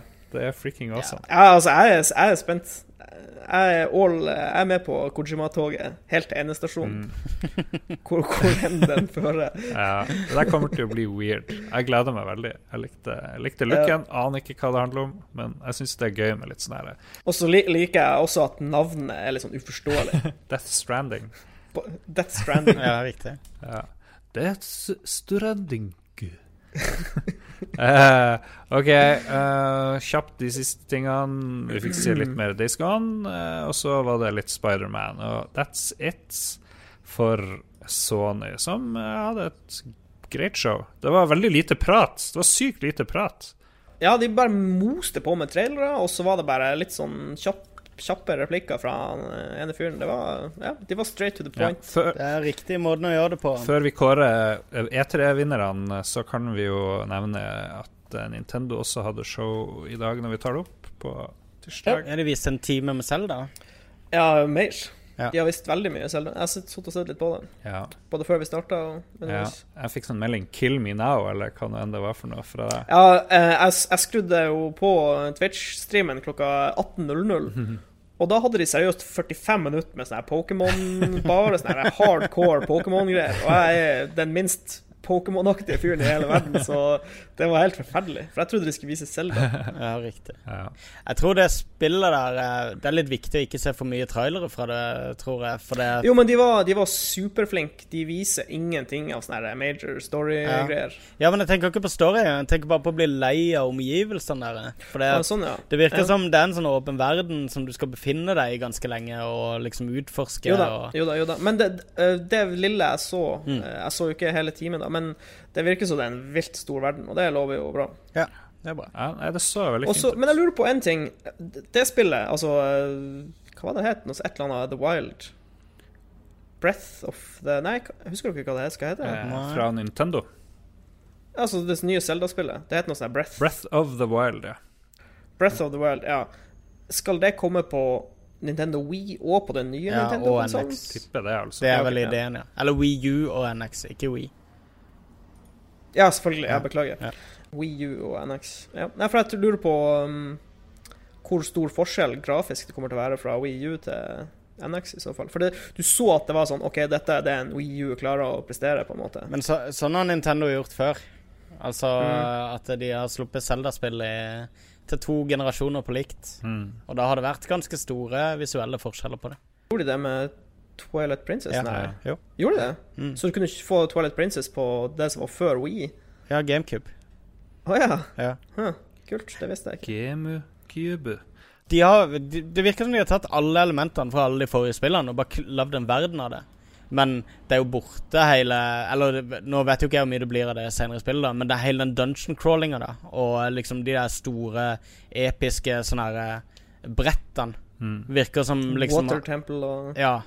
At de har måttet vike til en viss grad til åpne landskap, da. Det var jeg litt skeptisk til, men Jeg, håper håper ikke det. Nei, men jeg det- håper det fortsatt har Al- Alt som er vist foreløpig, jeg ser uansett så utrolig bra ut. At, Ja. eh, men men jeg, jeg tror det handler veldig mye om å bare gi slipp på det gamle med dette spillet her, og bare eh, være litt med på Ja, det var, det var en ting som så litt slitsomt ut, som jeg tipper jeg kommer til å hate vilt når jeg spilte i fire timer. og Det, er, det er sånn ny våpenmekanikk, så alle våpnene dine går Altså ødelegges Ja. bare etter noen slag. Oi. Så skal du liksom plukke opp våpenet til fienden, eller finne et nytt våpen, så du kommer ikke til å bruke de samme våpnene om og om igjen. Nei. Så du liksom Du, går, du bruker opp våpen. Mm. Så Master Sword, det varer liksom tre slicer, så må du tilbake og ut på, ut på Quest igjen. Og, Kanskje, kanskje når du får Master Sword, så vil det forhåpentligvis ha evig, evig durability. Men det de viste med de startingvåpnene, var at du slo to ganger, og så bare eksploderte våpenet, liksom. yes. Og så snakka han om det, at liksom, ja, det var en ting nå i, i spillet, at du må bytte våpen hele tiden. Så jeg, jeg, jeg håper det er litt uh, roligere etter hvert. Jeg likte at effektene var veldig sånn uh, Windwaker-ish. Mm. Ja. Det, det minner Ja, veldig om Windwaker, mobsene og alt, syns jeg. Jeg likte det. Ja, det ser, det ser bra ut. Mm. Visuelt. Er vi ferdig snakka av Nintendo? Vi gidder ikke mer. Ferdig snakka Jeg så bare Selda, Ja. og dessverre mye Pokémon. Da foreslår jeg at vi tar en to minutter. eh, Nå er det jeg som må gå og drikke vann på do. Og så er vi tilbake med oppsummering av våre favoritter og alt det her på E3. Og så får vi se om vi får tid til noe mer. Vi er right back.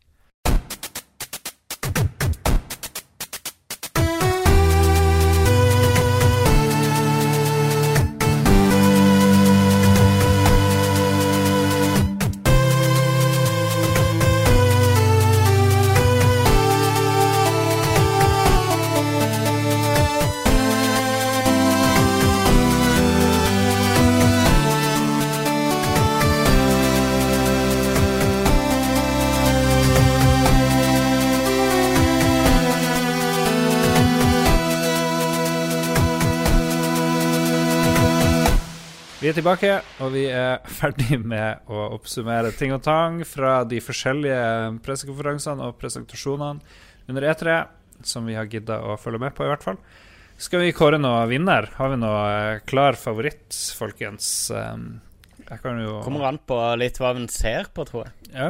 Ja, altså, jeg har, en, jeg har en favoritt, men det er ikke basert på det de viste på E3, men det er bare spillet jeg har mest lyst på av de som ja. har vært vist. Og det er et nytt Mass Effect-spill. Det er liksom Det er så lenge siden sist, så jeg er meget klar for mer Mass Effect. Mhm. Ja, Um, jeg syns kanskje sånn oppsiktsvekkende Altså, jeg, jeg tror Microsoft hadde ny hardware, og det var det ingen andre som hadde. Så det er liksom en ting som det, Du får litt sånn gratispoeng bare for det, da. Det funker, det. Det for alltid litt sånn småfrysninger og sånn når du ser en uh, ny konsoll bli vist uh, for aller første gang akkurat det sekundet på scenen og sånn. Men uh, altså, spillmessig så var Microsoft veldig forutsigbare og kjedelige, egentlig. Eh, de gjorde ikke noen feil, men de var ikke noen veldig spennende heller. De, men de fokuserte veldig mye på denne her eh, PC-Xbox-samkjøringa. Eh, De var veldig tydelige på det i år. Men Sony bare satte seg tilbake i sofaen og viste masse, masse, masse spill. Så Altså Og det er jo det som er mest interessant, i hvert fall når vi er såpass langt inne i en konsollgenerasjon som vi er nå. Så uh, all honnør til Sony, syns jeg, for å bare holde fokuset på spillene. Uh, selv om jeg syns den VR-satsinga deres er kjedelig. Ja, den er litt weird. Mm. Men de de, de er classy. Classy dudes. Ja. Det skal, skal, skal de ha. sies om Sony. Mm. For meg så var det Ubisoft, kanskje fordi vi nettopp hadde sett den forferdelige PC-gamer-greia. Det var så stor opptur etter Så jeg var så takknemlig for å kunne se en bra presentasjon. Men de hadde en bra Ja. pressekonferanse, og um... Ja, ja absolutt. Ja, så Ubisoft og Sony kanskje på andreplass, delt, delt førsteplass eller et eller annet. Men eh, det er ingen jeg var sånn sykt imponert over, og det var ingen spill som Ja. jeg bare Woo, det her må jeg spille, og så videre. Det er mer eh, Ja, ja, du vet Det meste har vi hørt om før, og Mm. noen nye Mm. ting Ja, for det var, det, var, eh, det var ikke så mye ny, Nei. nytt. Nei, jeg var litt overraska over det. God of War, Ja. Days Gone, Detroit. ja, God of War har aldri vært som favoritt, så for noen var Ja, men God of War, vi visste jo om det. Og, Ja, Vi visste jo for så vidt at det kom et nytt. Ja. Ja. Det er sant. Det visste ikke jeg, men det er fordi jeg ikke har fulgt med. Ja, favoritt-favorittspillet? Jeg vet ikke, jeg har ikke peiling. Sjørøverspillet. Altså, bare at det kommer et nytt South Park-spill er veldig kult for min del. Jeg, jeg spilte som sagt i Yale det forrige, to ganger. Så eh, jeg kom jeg, jeg har veldig lyst på et nytt South Park-spill som jeg kan eh, Det er sånn lettbeint og utrolig lett å spille time etter time etter time. Og hvis det holder samme kvalitet som det eh, Stick of Truth gjorde, Mm. så vil det være det beste South Park-innholdet som er laget siden det spillet kom. For det, serien er helt død for meg. Så Men, men eh, Stick of Truth var liksom sånn her åpenbaring om at eh, wow, de kan fremdeles tingene sine, og South Park er fremdeles morsomt. Så det håper jeg de har klart da å vedvare i, Ja, i toåren, som vi er så glad i å si. Ehm, ellers, jeg vet ikke, som sagt. Gøy med ny konsoll, alltid gøy å se. Resten var bare sånne her, eh, spill som er sånn her «Hm, Ja, det må jeg kanskje kikke på. Fikk ikke noen veldig sånne åpenbaringer på dette E3. Vi kan ta en mini-lytterspalte. Jeg spurte folk om hva de syns var favoritter av ditt og datt. Det er mulig Jon Cato som trua med å skjære brutalt ned på lytterspørsmålene, fikk en negativ effekt, for vi fikk veldig lite respons uh, denne gangen. Men Oi, oi, oi. Vi blir bedt om å se på Nier Automata-traileren uh, på PS4 fra E3 i år. NIR. Den ser helt syk ut, Nier, ja. sier han. Så det skal jeg gjøre. Jeg har ikke rukket å sjekke det. Uh, Karsten Solheim var skuffa over at Nino Kuni 2 ikke var der. Ja, det var synd. Ja, Det hadde jeg òg håpet på. Det hadde jeg helt glemt. ja. Um, Mm. Han imponerte over Sony uh, sin konferanse. Eh, Horizon Zero Dawn uh, gjorde at han kanskje gikk fra kanskje til må ha status. Uh, Ja, jeg må bare nevne Titanfall 2 også blant mine favoritter her. Det var et spill Mm. jeg ser frem til å spille. Um, Jan Christian yep. Hegel han, Jeg spurte hvilket spill man gleder seg til etter å ha sett det. Så sier han at han gleder seg til alt. Så det er jo veldig eh, sosialdemokratisk eh, av han Hegel. Eh, savner veldig søvn. Veldig dum idé å stå opp klokka tre og være våken natt igjennom og sitter nå på jobb. Det kan jeg identifisere med. Det var dårlig det. Han var, han var, Hegel var veldig fornøyd med Microsofts pressekonferanse, så han driver og sparer penger er til ingen overraskelse der. Scorpio. Han er jo Mr. Xbox-fanboy. Ja. Skal noen av dere kjøpe den uh, bitte lille Xboxen i høst? Uh, Lars, du er vel et uh, rungende nei, vil jeg tro. Denne S-versjonen. Ja. Nei, jeg blir nok ikke å kjøpe den. Den kommer allerede i august. Det er liksom Det er halvannen måned til. Det er ganske vilt. Uh, Mats, du har ikke Xbox Altså, fra før, har du det? Nei, jeg har ikke Xbox. Eller jeg har jo på en måte Nå har jeg jo en Xbox, for jeg har en PC. Ah, se, han er med på notene. Det, det, det Ja, nye. Microsoft. Oh yes. Ja, kanskje det heller er det som er greia, da. At eh, man slutter å kjøpe denne hardwaren. Men kanskje den der bitte lille Xboxen kan funke som en sånn streamingstasjon etter hvert til TV. Med, med, medie-PC. Ja. Ja. Uh, Big Hurt savner Persona 5, det kan jeg skjønne. Eh, og så snakker noen om Deus X, det nye. Ja, det det, um, det kommer jo nå i høst, og det ser jo rått ut. Men det, de hadde ikke noe nærvær på E3. Hvorfor hadde de ikke det? 20 august kommer det. Ja, det er vel fordi det er så nært release. Jeg vet ikke. Ja. Det er jo rart At de at, ikke de er- bruker hypen på det, da. Ja, ja det er jo det, det er jo interessant. Ja. At de bare ikke er der i det hele tatt. Ja. Nei, uh, DO6 har her. det, jeg det, gledet det tror jeg blir kult. Ja. Nettopp. Ja, for jeg elsker jo Human Revolution, så jeg er jo kjempeklar for mer av det samme. Jeg satt og så på han der Co Carnage, uh, han streameren, uh, runde uh, DO6 eh, Human Revolution. eh, 100% på, eh, som pacifist på vanskeligste. Det var veldig Ja. kult se på. Eh, Det var lenge siden jeg hadde spilt spillet. Så ble jeg litt sånn Jeg ble litt hypa på det igjen. Så var jeg ja, nei, fuck, jeg må ha det neste. Um, Ja. Så det skal spilles. Ja, for det er jo, en, det er jo spill som har blitt annonsa som ikke er en offisielt en del av E3. Det er jo et Call of Cthulhu-spill som også ser kult ut. Ja, det har ikke jeg fått med meg. Det heter bare Call of Cthulhu. Det blir skikkelig Originalt. eh, Ja, men det ser kult ut. Hva er det? Førsteperson, eller? Eh, det var ikke mulig å se ut fra video, men jeg tror det blir first person uh, horror adventure-aktig. Åh, spilte da Undying i sin tid? Det var jo of Cthulhu uh, first person shooter. Nei. Ja, var ikke det Clive Barker? Jo. Jeg Jo, det var det, ja. Ja. det var det. Ja, men det er eh, i nabolaget ja, av ja, Ja. ja, ja. jeg husker det. Så må vi ta med en hyggelig melding vi har fått fra Anders eh, som melding på Facebook. Eh, han sier forrige episode var ekstremt bra og representerer på mange måter kjernen i Lolbua. Aktualitet, morsomme historier, denne gangen om Knut og fylletur, eh, og kule referanser til eldre spillhistorie. Eh, og så lover han å anmelde oss på iTunes når han får tid. Det anbefaler vi jo Ja, ja, ja. alle å gjøre. Og det var vel egentlig det kanskje vi hadde. Jeg tror vi driter i å snakke om hva vi har spilt. ja vi, klarer, vi klarer det på to timer, Ja. eh, Lars. Vi klarer det på to timer. Vi, det hadde vært Ja, det ser Det hadde vært kult å høre hva du har spilt i det siste, Mats, men jeg må skrive ukens eh, spalte til, som jeg sender ut til noen aviser. Så da er, har dere noen avsluttende ord, eh, mine venner. Nei, kos meg jeg tror jeg. Eh, Jeg vet ikke. Det blir kult med masse nye spill. Fuck the police. Oh, of, course. Og fuck the police. FTP. Yes. Da sier vi ha det bra med de legendariske ordene. Mats fant opp 'fuck the police', faktisk, eh, uttrykket som Og I'm going in dry. Har altså blitt eh, attributert.